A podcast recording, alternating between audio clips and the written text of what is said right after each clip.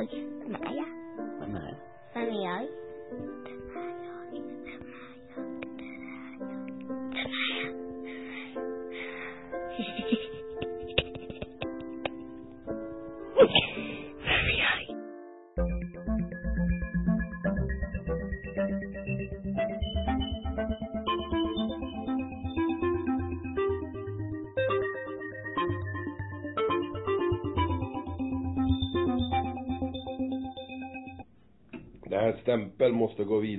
Som jag själv.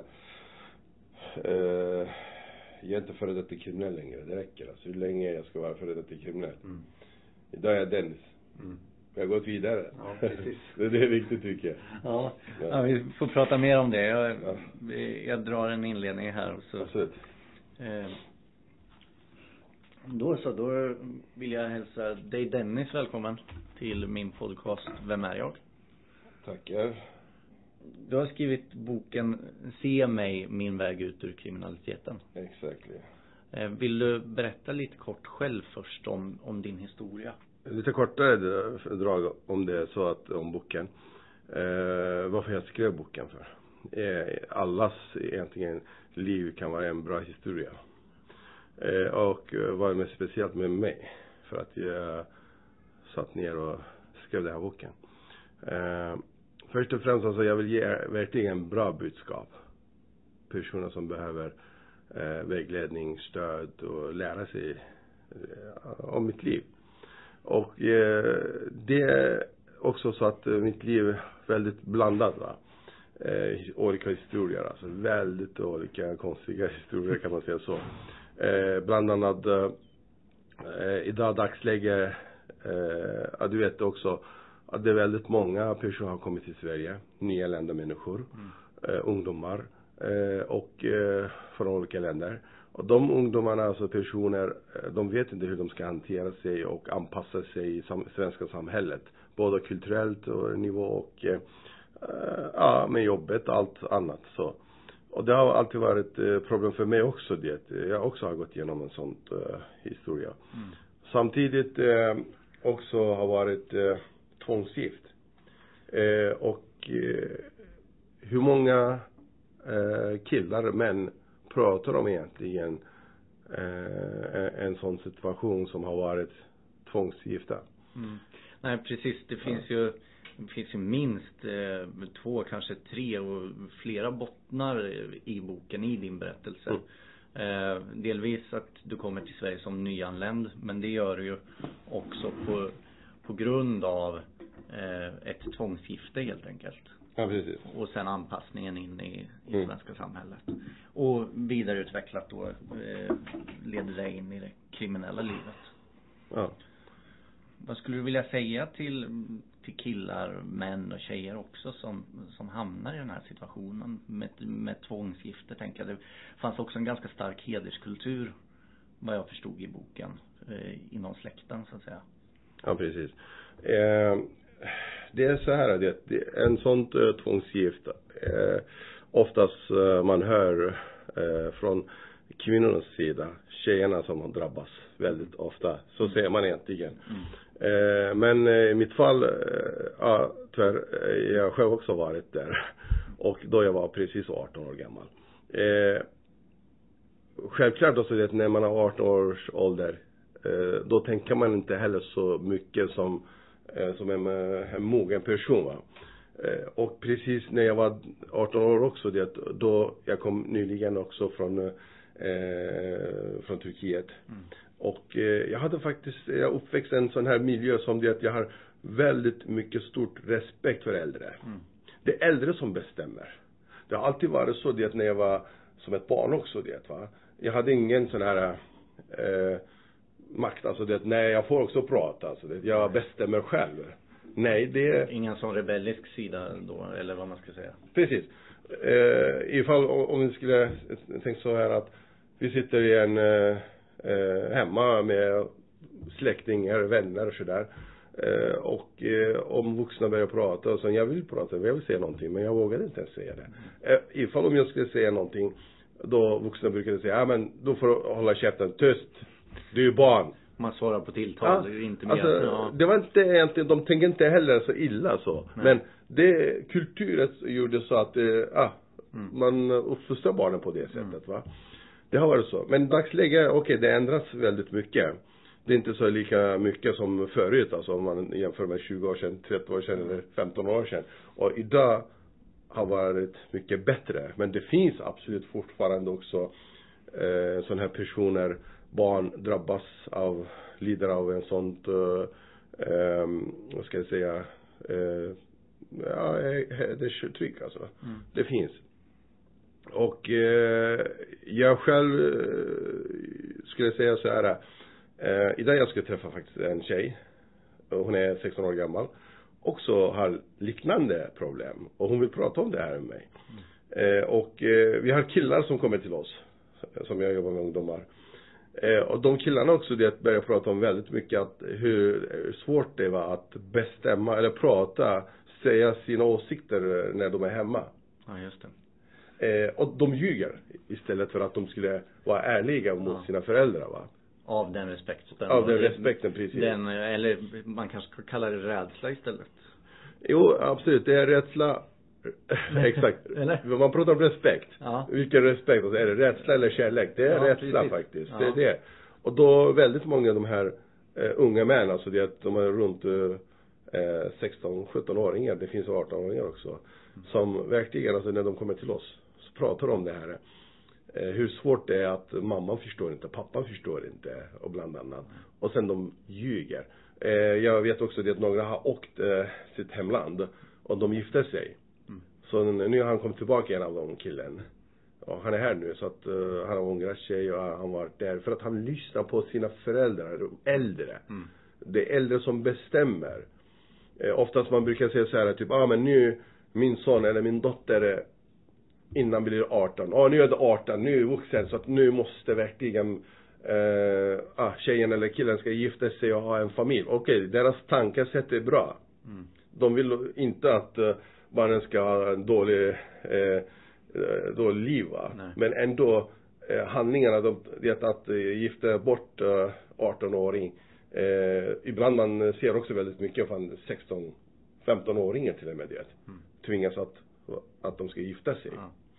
Så att ehm, eh, det här är inte, absolut inte okej, det är inte en bra handling så att eh, ja, det måste man göra. Ja, nej, det, är- det är ett svårt ämne att prata om Ja, också ja, upplever jag det som i, ja. i debatten och i, i Sverige. Ja, precis. Eh, Men eh, du ville till Sverige också, eller hur var det? Du hade hört gott om Sverige och du, Så är det. Eh, du vet, alla har gått igenom säkert eh, eh, något sånt eh, första kärlek. mm. Eller Ja. Så att jag själv har varit, eh, typ jag var en, runt eh, 15-16 år gammal och eh, jag blev kär i en tjej Ja, som bodde i, i Sverige va. Ja. Så hon brukade komma på somrarna till Turkiet och eh, eh, vet den här kärleken då var att, vet, man brukar se varandra långt ifrån det. Inte så här komma nära varandra utan att man ser varandra långt Mm. ifrån det ett håll och sen bara vinka varandra eller skicka brev till varandra. Mm. Eh, Det var sån kärlek var det va. Så att det, och, och sen eh, eh, den tiden också det, jag var typ ru- 17 års ålder. Eh, det, det har blivit lite jobbigt för oss. Eh, ja, hon gjorde slut, eller vi, vi gjorde slut på något sätt i alla fall på grund av att hennes mor bror som blandade sig i, i det här som han sköt mig då. Vi satt i en bil va. Eh, och det hände mycket där också det och det tog slut och sen någonstans det fastnade i min hjärna du vet, eh, jag vet inte, eh, typ att jag vill åka eller flytta till utomlands Ja. på något sätt. Mm. Och sen det var någon, eh, eh, ja, vad ska jag säga, sammanträff eller, eller, ja det är meningen kanske att eh, det ska bli så, ingen aning men jag träffade en annan tjej som hennes familj vill gifta bort henne. För att hon hade blivit precis 18. Och de vill inte att, den tiden man brukade säga, ah nej, hon ska inte leva som en svenssons liv. Nej, just det. Var man turk så skulle man vara turk. Precis, Ja. exakt. Så ska jag vara det, punkt slut, så var det. Och då, föräldrarna hade mycket rädslor alltså, det att eh, deras eh, eh, döttrar, eh, ah, går vidare till kanske typ träffa andra killar och det, Mm. och det blir en sorts uh, heders, uh, ja, vi säger namus. Mm. Så Okej. att, eh, Ja. så att, eh, ja.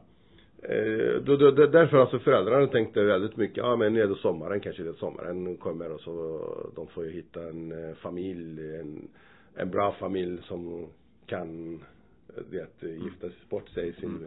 dotter med just den familjens son. Och det blev så, så där med mig också så att eh, eh, jag var 18 och hon var 18. Eh, mina föräldrar ville inte att jag skulle vara Nej, gift. precis. Eh, men eh, någon, jag vet inte hur, det, det gick jättefort alltså. Det, jag sa, ja jag vill ju eh, gifta mig och hon vill gifta sig då. Men det, 18-åring, tankarna Ja, flyger, fort, snurrar ja. runt väldigt mycket va. Eh, Sen efter en månad, nej vi vill inte ha varandra. Nej. Men då är det föräldrarna Ja, då var det för sent. Precis, liksom. det var för sent på något sätt. Det var inte så heller alltså typ att eh, jag som man, en kille som har legat med henne och det har blivit, hallå, nu är hennes oskuld borta, jag måste gifta mig. Det är inte så heller. Nej. Bara det, vi har sagt till varandra det ordet, ja men jag vill ha henne, hon vill ha mig. Och folk har hört det här va. Ja, just det. Då det, ja men Så då är det befäst liksom. Precis, att alla släktingar vänner har hört eh, Mm. den här händelsen och nu är det att man gör slut. Nej, det blir ingen bra. Nej, vad har Rykte. hänt då liksom? Precis, Eh, Och alltså. ryktet går, ja. ja. Mm. Ehm, Men ni, ni gifte er i alla fall sen. Du beskriver den bröllopsfesten ganska eh, sorgligt på något sätt. Du satt där och var väldigt ensam på den bröllopsfesten. Eh, beskriver du i boken. Det, det var ingen, ingen lycka riktigt. Om jag tolkar det rätt. Den, alltså den dagen jag kommer ihåg, alltså som idag. Ja. Så att, eh, 18 år gammal, jag känner inte någon. Nej. Jag hade en kusin bara det, eh, Ja, som brukade komma till Turkiet då, det när de hade semester. Och jag känner inte honom heller, inte hans fru heller alltså sådär så mycket va. Men eh, det är det som det, eh, jag vet lite grann, ah, känner igen dem lite sådär, okej de var släktingar till mig. Sen, eh, that's it. Och resterande så kommit kanske runt 400 personer till den, den bröllopen va. Och det var Husby krog som jag kommer ihåg idag. Eh, och vi hade inte heller alltså det, hon och jag, bra relation då.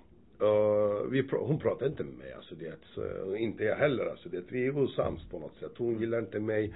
Och jag vet inte vad jag ska göra. För att, för att föräldrarna har sagt att eh, jag ska vara tyst och lyssna på föräldrarna, punkt slut. Alltså hon kommer verkligen mogna sig. Mm. Och eh, det kommer bli bättre Mm. i framtiden. Jag ska inte säga att jag vill inte ha henne. Utan att jag ska vara tyst och lyssna på föräldrarna. Och jag var tvungen på något sätt för att eh, jag kände inte någon här och jag har ingen bra ekonomi. Jag har ingen eh, stöd någonstans.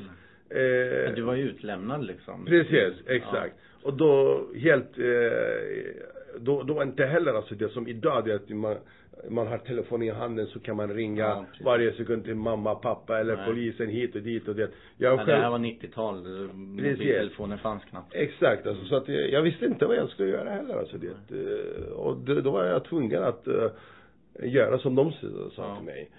Eh, och den dagen alltså det, när jag satt där uh, bröllop, uh, dagen, alltså, kv- eller natten. Eh, det var verkligen alltså det, var, jag hade det, ingen eh, moral. Eh, jag visste inte vad som hände där egentligen, jag bara stod där. Och så samtidigt också det jag såg henne, du vet. Eh, Okej, för henne också det är inte lätt. Eh, jag förstår henne också va, men eh, vi var båda i samma situation va. Mm. Och, men ändå, jag tittar på henne, hon ler, hon dansar, hon var glad på något sätt. Ja. Och jag bara, jag fattade ingenting då va. Jag bara tänkte, Nej. fan, hon vill inte ha mig. Men det här är kul. Ja, Ja. fast eh, jag mår jättedåligt. Men hon vill inte ha mig men hon var glad och hon dansar och typ hon hade kul. Ja. Typ. Så, Ja, det blev kaos. ja, precis. Ehm, men eh, ni lever ihop sen och, och får barn ihop. Ja. Eh, du beskriver också i din bok eh, ett ögonblick som senare ledde fram till, till en dom eh, i tingsrätten. Eh, där du kastar en toffla på henne. Ja, precis. Eh, som leder till en misshandelsdom om jag inte Mm, minns fel. precis. Eh, jag har eh, domar från relationer, alltså våld i nära relation. Och det är ju det jag arbetar mycket med och pratar om idag för att väcka hopp hos andra män som har varit Mm. i liknande situationer. Eh, var det var du tveksam någon gång? För att det här är väldigt tabubelagt och stigmatiserat ämne, partnervåld liksom. Mm. Eh, och det är ju ändå det du dömdes för. Mm. Var- Var du tveksam till att ta med det eller eh, så? Förstår du vad jag menar? I och med att det är så tabu, tabubelagt och stigmatiserat. Ja, Eh, var det jobbigt och Alltså det, eh, självklart, när jag satt och skrev den här boken, det, eh, eh, varje gång, alltså det, alla känslorna kom upp, förstår du, fram. Eh, Alla sådana blandade känslor, det alltså både gott och ont alltså som man har gått igenom. Och eh, det har inte varit lätt, men ändå, jag tycker också det är skitbra, det kändes skitbra efteråt för att jag har skrivit ner eh, allting, eh, eftersom för mig har varit så här också det att jag kunde inte prata om mig själv eh, till andra va, och vilket problem, vilken känsla hade jag. Nej. Alltid det, det, eh, de känslorna jag eh, skämtar bort de känslorna. Mm. Istället för att eh, ta fram och visa vem jag är, eller hur känner jag. Och för att eh, också tänkte alltid så här, ja men jag är man. Eh, Ja, precis. jag kan hjälpa dig, jag behöver ingen hjälp typ. Alltid, eh, mannen gråter inte till Nej, exempel. nej men det är ju den eh, osunda och destruktiva machokulturen som finns. Exakt. Det har varit hela tiden så. Men när jag jobbat med, med det här, det boken också. Eh, och eh, började faktiskt ta kontakt med mina känslor och ta fram de här va. Och när jag skrivit ner också det, all de här som har gått igenom. Då tänker jag så här, okej. den dagen också det, eh, när jag hamnar i just eh, en sån situation. Eh, och jag sitter på rättegången. Eh, jag hade inte ens tolk. Nej, just det. Nej. Det var intressant. Idag jag tänkte på det här väldigt mycket också. Fan, varför hade jag inte någon tolk? Alltså, Nej. det? Eller varför hade jag inte någon försvarsadvokat? Nej, för du kunde knappt svenska. Ja, jag kunde inte. Jag kunde bara hej, Ja. hej då. Ja. det är det jag kunde va. Och sen, som det stod i boken också, jag jobbade på pizzeria va. Ja, precis. Jag, kunde alla Precis. Jag bara, hej, Ja. pizzeria Bambi, välkommen. Ja tack, välkommen om Ja. tio minuter, en kvart. Jo, precis. Så Det var det. De, de här förhören hölls på någon slags eh, Precis. pizzeria svenska. Ja, Mm. och sen när jag sitter där precis och då, eh, min fru sitter där också i det rättegången. Där hon hade det två personer som jag såg, alltså det är två damer, alltså det ena damen, alltså det eh, idag fortfarande jag ser det så hennes bild, alltså det lockigt hår, blond och eh, ganska kraftigt, alltså det är en kvinna. Och sen väldigt eh, ansiktet så här kaxigt sätt det jag fattade inte fortfarande heller, vad är de, vilka är de? Jag vet inte. Så jag jag sitter där och sen personer sitter, de frågar, jag fattar inte. Och ibland, eh, min fru översätter det här till mig. Ja, just det. Just det, ja. så jag svarade på va. Och sen, eh, ja, den dagen alltså jag fattar inte alltså det som det hände det att det är en sån tjafs hemma. Eh, jag kommer ihåg alltså det att jag hade jobbat, jag kom hem. Eh, jag var, vad fan var det, 22 år gammal kanske, Mm. 20, någonstans. Mm. Eh, och eh, hon, vi hade kommit överens att barnen ska vara hemma va. Då barnen inte är hemma. Ja, just det, och barnen ligger precis mor, hos mormor sådär och sen hon som vanligt jag sitter i soffan och så det att eh, kollar på Mm. MTV, duntus, duntus. Mm. Och sen jag kommer, hon säger så här till mig, ingen respekt heller alltså det, hon var, ja men barnen är uppe på ett väldigt kaxigt sätt va. Och sen på något sätt det hände som hände allting. Och sen, jag blev skitlack irriterad, jag såg sönder soffbordet. Mm. Och eh, jag tog min ilska på det sättet. Alltså jag mådde skitdåligt alltså. Det. Jag vill eh, också bestämma över mina barn. Jag vill bestämma över mitt liv alltså det va. Eh, och sen, eh, ja.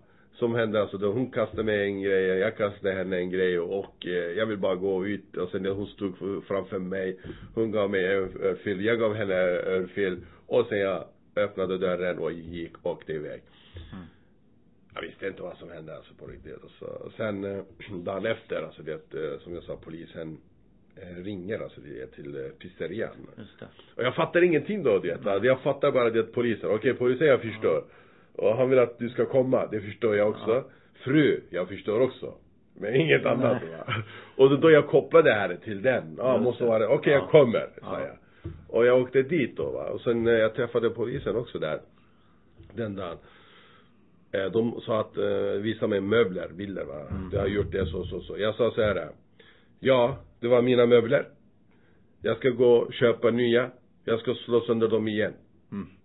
För du tyckte att det var dina möbler. Precis. Du får göra vad, är du vill med, med dina ägodelar. Ja. Ja. För att, Ehm, jag visste inte att det, ja. Nej, jag förstår. Ehm, hur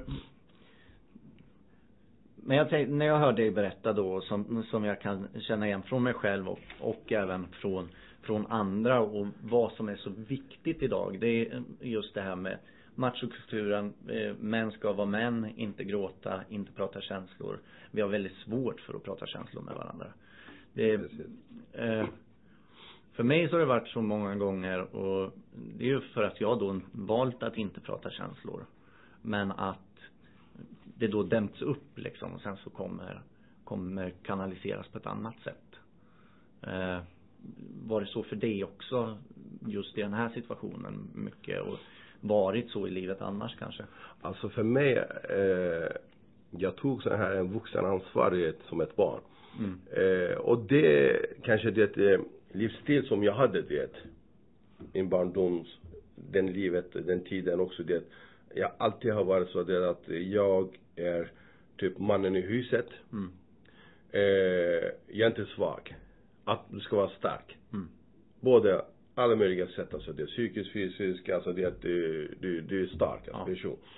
Och, eh, eh, och då blev det så svårt att, det, eh, att visa när jag är ledsen. När jag var i skolan också det, alltså det, jag fick örfil alltså från min lärare eller alltså det blev tjafs med andra eh, kompisar i skolan sådär. Men eh, aldrig jag visat att eh, jag blev ledsen eller blev sårad. Inte visa sig svag liksom. Precis, att eh, man visar inte sig svag. Fast uh, innerst inne jag mår dålig. Men det går inte på något Nej. sätt. Det, det är livsstil som jag hade det. eh, Den följde mig alltid alltså det va. Ja, ja. Och sen när jag blir också det äldre, äldre, äldre, äldre. Eh, och, då börjar jag bli, okej. Jag måste stänga av mina känslor helt och hållet. Ja. Visa ingen någon känsla va. Nej. Fast eh, om jag ska börja ta kontakt med mina känslor, jag mår då skitdåligt. Ja, precis. Eh, och då vill jag inte det va. Eh, det var exempel, exempel. Eh, mina barn. Eh, när jag satt inne på fängelse va. Och deras, eh, jag hade fotobilder. Eh, men eh, de flesta hade det sina foto, barnen och familjen och vänner och sådär på eh, väggen. Det, de, har, de har hängt upp va. Eh, och de, man, de, man ser alltid när man går in i deras eh, rum. Aha, det, ja men det är min fru, det här är min, eh, mina barn, det här är det. De brukar prata om det här. Ja. Men i mitt rum alltså, fanns ingenting på väggen va. För att eh, eh, de hade jag det i en låda va. Eh, någon gång det när jag känner mig så här, jag vill se, jag har saknat mina barn exempel. Jag vill visa, jag vill ta dem, kontakt med de här känslorna. Ja. Jag tog bara fram dem några sekunder kanske, typ kanske efter varje sex månader, varannan månad, någon gång det alltså det. Tog fram bara några sekunder och så jag vill inte se mer. Nej. Bara lägga dem tillbaka. För att det var skitsvårt för mig att visa de här känslorna. Men det, är- det är också något, något typiskt både för missbrukare och eh, eh, eh, och våldsutövare tänker jag just att att stänga av sina känslor, stänga av empatin. Du, har du känslor eller låter du dina känslor låter du dig ha kontakt med dina känslor och din empati då är det väldigt svårt att utföra den här våldshandlingen. Eh, oavsett vad det är, om det är ett rån eller om det är en misshandel eller Mm, eh, så. Och Man vill inte vara svag heller alltså, eller, eller jag upptäckt, eller jag känner mig eh, alltid upplevt att om jag ser att jag behöver hjälp, Mm. då jag känner mig inför dig att jag är svag person. Ja, precis.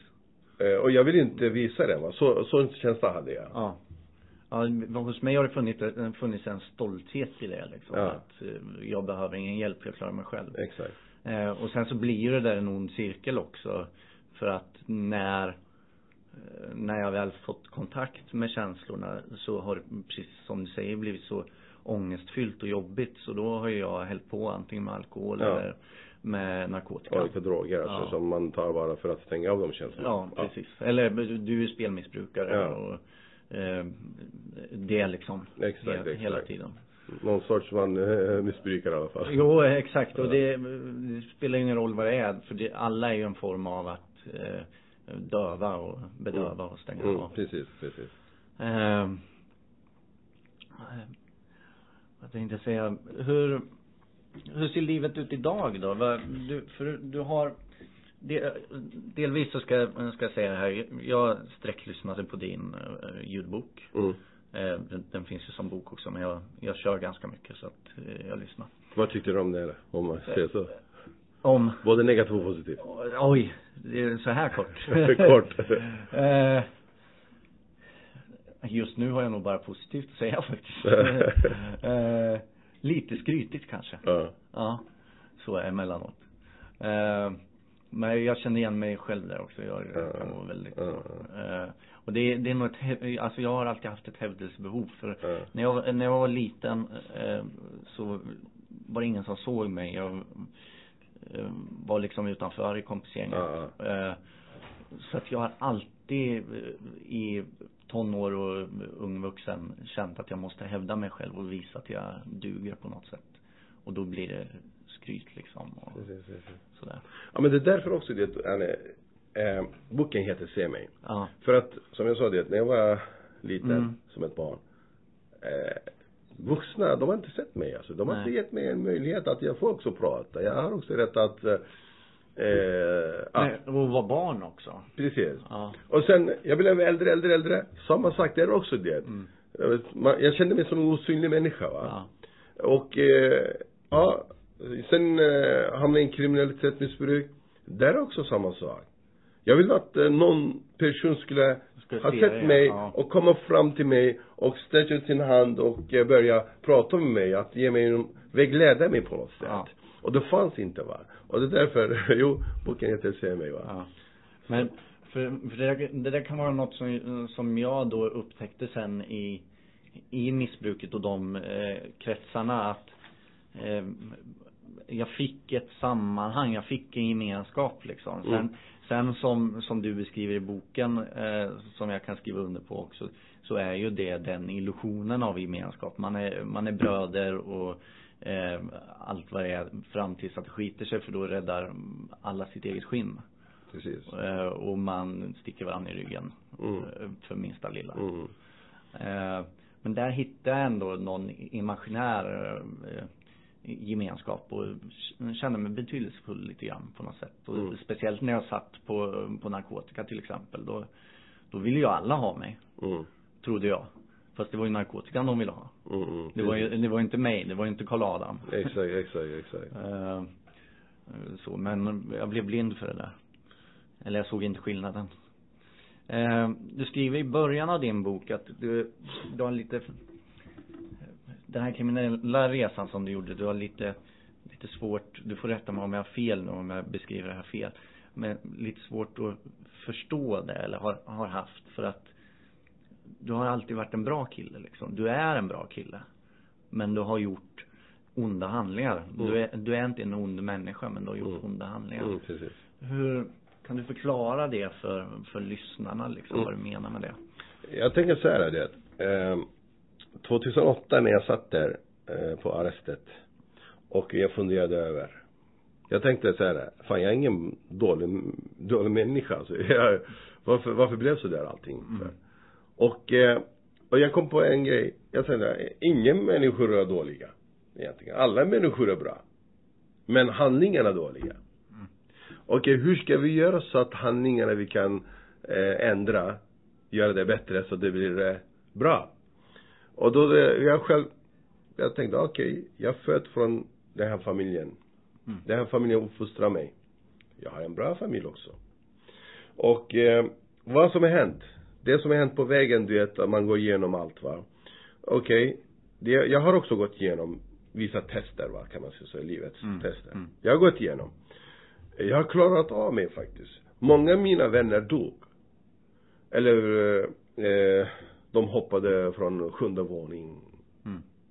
Överdos. Eh, och jag själv hamnade i en sån här situation också, men jag klarade av mig så att jag överlevde. Mm. Då tänkte jag så här, okej, det är någonting kanske det att jag måste tänka till. Hur ska jag göra så att eh, jag ska förändra mina handlingar? Att inte göra de här eh, handlingarna som skadar andra. Eller sårar andra. Mm. Jag har jobbat med det här faktiskt. Alltså det att vi har vi har arbetat med det här det, när jag var på anstalten också. Jag har gått på olika förändringsprogram. Eh, eh, program. Eh, fast många av mina vänner eller där personer alltså som tänkte, ah men fan alltså vad ska det bli jävla golare eller ska det bli fan alltså eh, terapeut, terapeut eller vad är det här det, det, det, det hör, jag har hört väldigt mycket också det på anstalten. Eh, för att eh, när man är på anstalten också det, oftast eh, ah, man bara avtjänar eh, den tiden, det straffet man har fått. Och eh, man lovar väldigt mycket eh, för alla andra och för, för sig själv också det att med, oh jag ska göra det här, jag ska göra det men eh, man gör inte något skit, bara det är samma sak igen, det är Mm. samma kriminella handlingar, samma historia, samma eh, tjafs, hela tiden samma sak. Men, Men vändpunkten för dig blev under ett telefonsamtal egentligen? Är, den telefonsamtal är egentligen en av de eh, pusselbiten. Ja, Eh, jo det är klart att det är flera pusselbitar. Precis. Eh, för att, eh, som jag, vi pratade om alldeles nyss, att eh, inte visa de här känslorna. Nej. När jag, under det här telefonsamtalen också, det när min dotter ringer och pratar med mig på det sättet, att eh, inför, vi kallar dem prit va, inför en vakt som avlyssnar. Och jag kände mig, när hon, hon skäller ut mig helt och hållet va. Mm. En 12-13-åring tjej.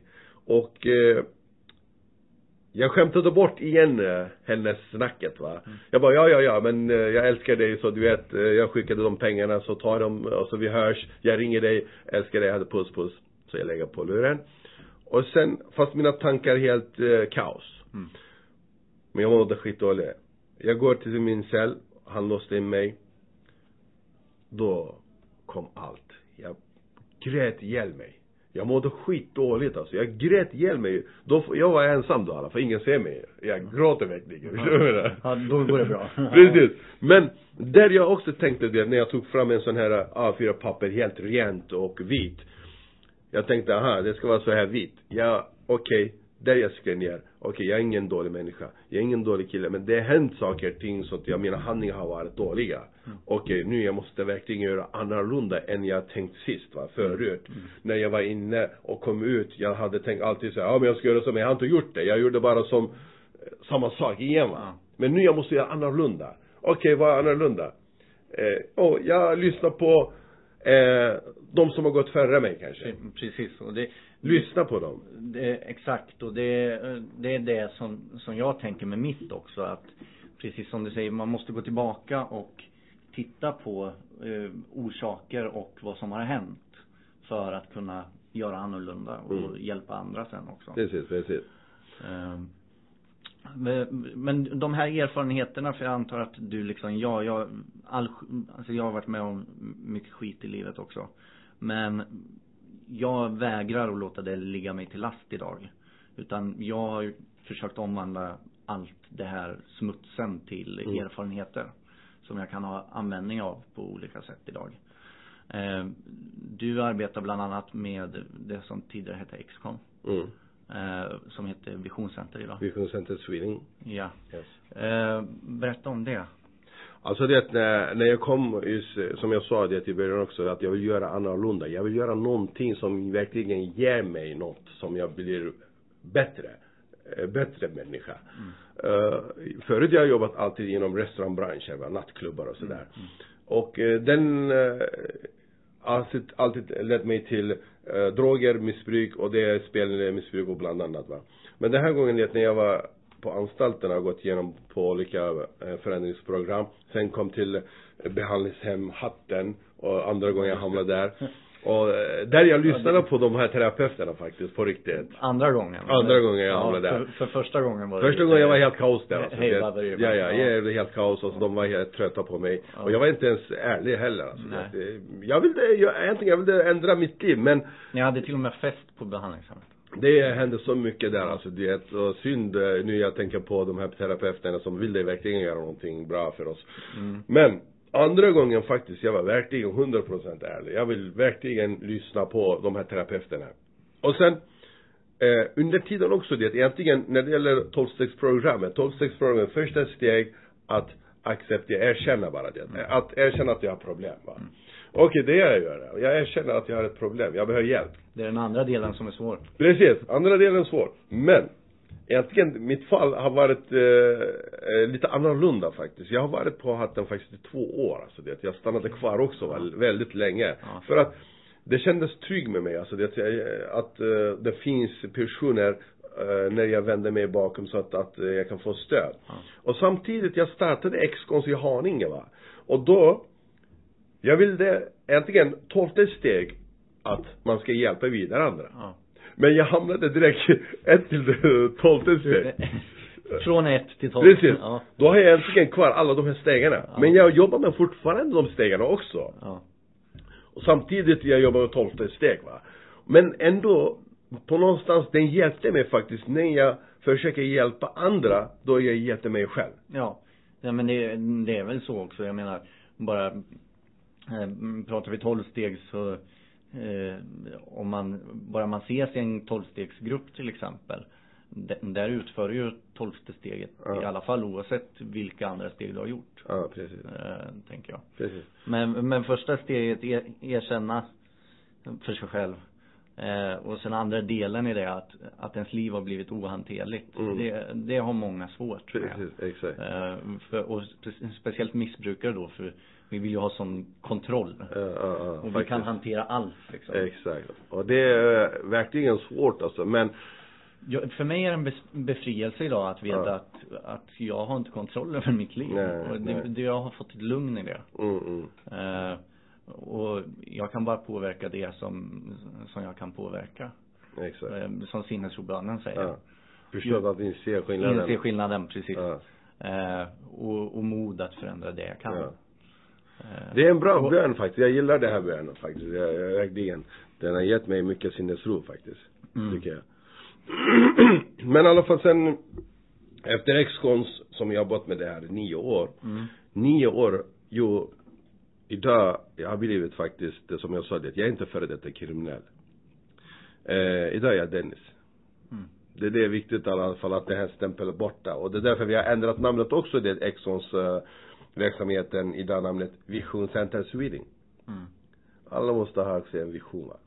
Det, det, det låter ju mer positivt än, Ja. att, eh, än att vara en ex-intagen så att säga.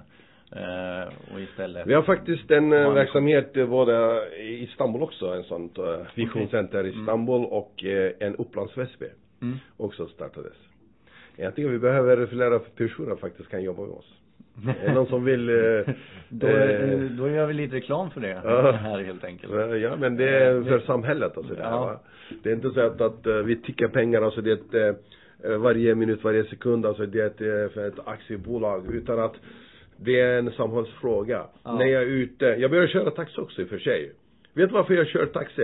Idag ja. Ja, eh, Ja. Jag Ja, startade ett alltså, du- taxibolag du- ja. och eh, började köra taxi också, Okej. det visar Ja. tider va. Ja. Och när jag kör taxi, jag träffar, vet du hur många människor som helst Som det kompletterar, jo, den kompletterar med mitt arbete va. Ja. Och det, oftast människor hoppar in i en taxi, Mm. de tror att jag är en vanlig taxiförare. Och taxiförare har också oftast dålig, inte så riktigt mycket respekt Nej. På något sätt. Alltså de tror att, ja men en taxiförare, Mm. that's it typ. Men nu de hoppar in en taxiförare, helt annorlunda än taxiförare. Mm. så då, när de börjar prata med oss och sådär och sen, de ser i alla fall att, oj, den taxiföraren, han är författare. Oj, han jobbar med inom brottsförebyggande arbete. Oj. Och då blir de chockade. Och sen, eh, det blir en sån här, eh, vissa personer, eh, som terapisamtal under tiden. De behöver stöd också. Personer som har hoppat in i taxin. Ja. Personer som håller på med kriminalitet också, som hoppar in i eh, taxin och eh, de vet vad de ska göra ibland. Och jag ger dem råd, alltså hur man ska verkligen göra. Och det är därför, jag, wow, det här är egentligen kanske det blir, ja men absolut, det, är- det är ett samhällsproblem och, eh, som vi, som vi kan och behöver jobba med på flera olika nivåer. Precis. Och i det lilla också. Och den här medmänskligheten som vi har, har tappat i Sverige på något sätt. Faktiskt, faktiskt, Ja. faktiskt. Det har blivit nu, eh, det är att alla skiljer på varandra. Mm. Eh, det är en, en exempel alltså det att, eh, det var några månader sedan jag körde en tjej från eh, stan till eh, Rissne.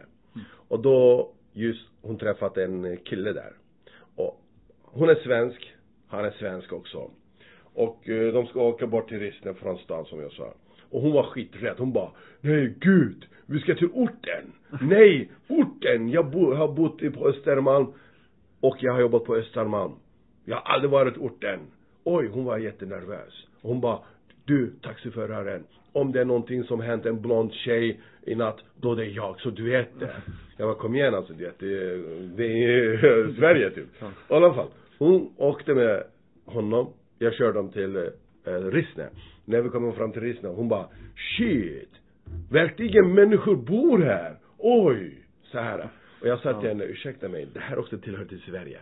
Och det är därför vi måste fatta det. Jag tyckte att hon tänkte, tyckte så väldigt sorgligt faktiskt. Jag tänker så här, idag, jag är svensk. Jag kämpar för samhället också. Jag älskar Sverige. Och eh, för mig, ingen skillnad faktiskt om det var Östermalm, om det är Fittja, Alby eller eh, något ort eh, för, eh, någonstans. Ja. Det spelar ingen roll alltså det. Det tillhör till Sverige och samhället och då alla måste verkligen hjälpa till åt varandra. Mm. Jag ser också så här, om alla skulle städa efter där de bor. Städa där du bor. Bara Så- på områdena. Ja. Då blir hela världen rent. Bara att ta ditt eget ansvar. Man, exakt, ta sitt eget ansvar och börja med sig själv. Precis, Ja. precis. Eh, jag tänkte säga, är det, är det något jag tänkte vi skulle börja runda av här?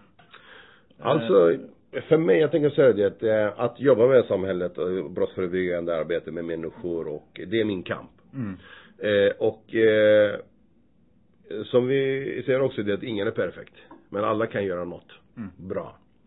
Och eh, därför jag ser att eh, eh, speciellt föräldrar eh, de måste verkligen eh, ta mer ansvar. Istället för att eh, snacka skit om eh, polisen, snacka skit om myndigheterna, snacka skit om systemet, snacka skit om socialen, snacka skit om lärarna. Mm. Ta ansvaret när barnen är små. Mm.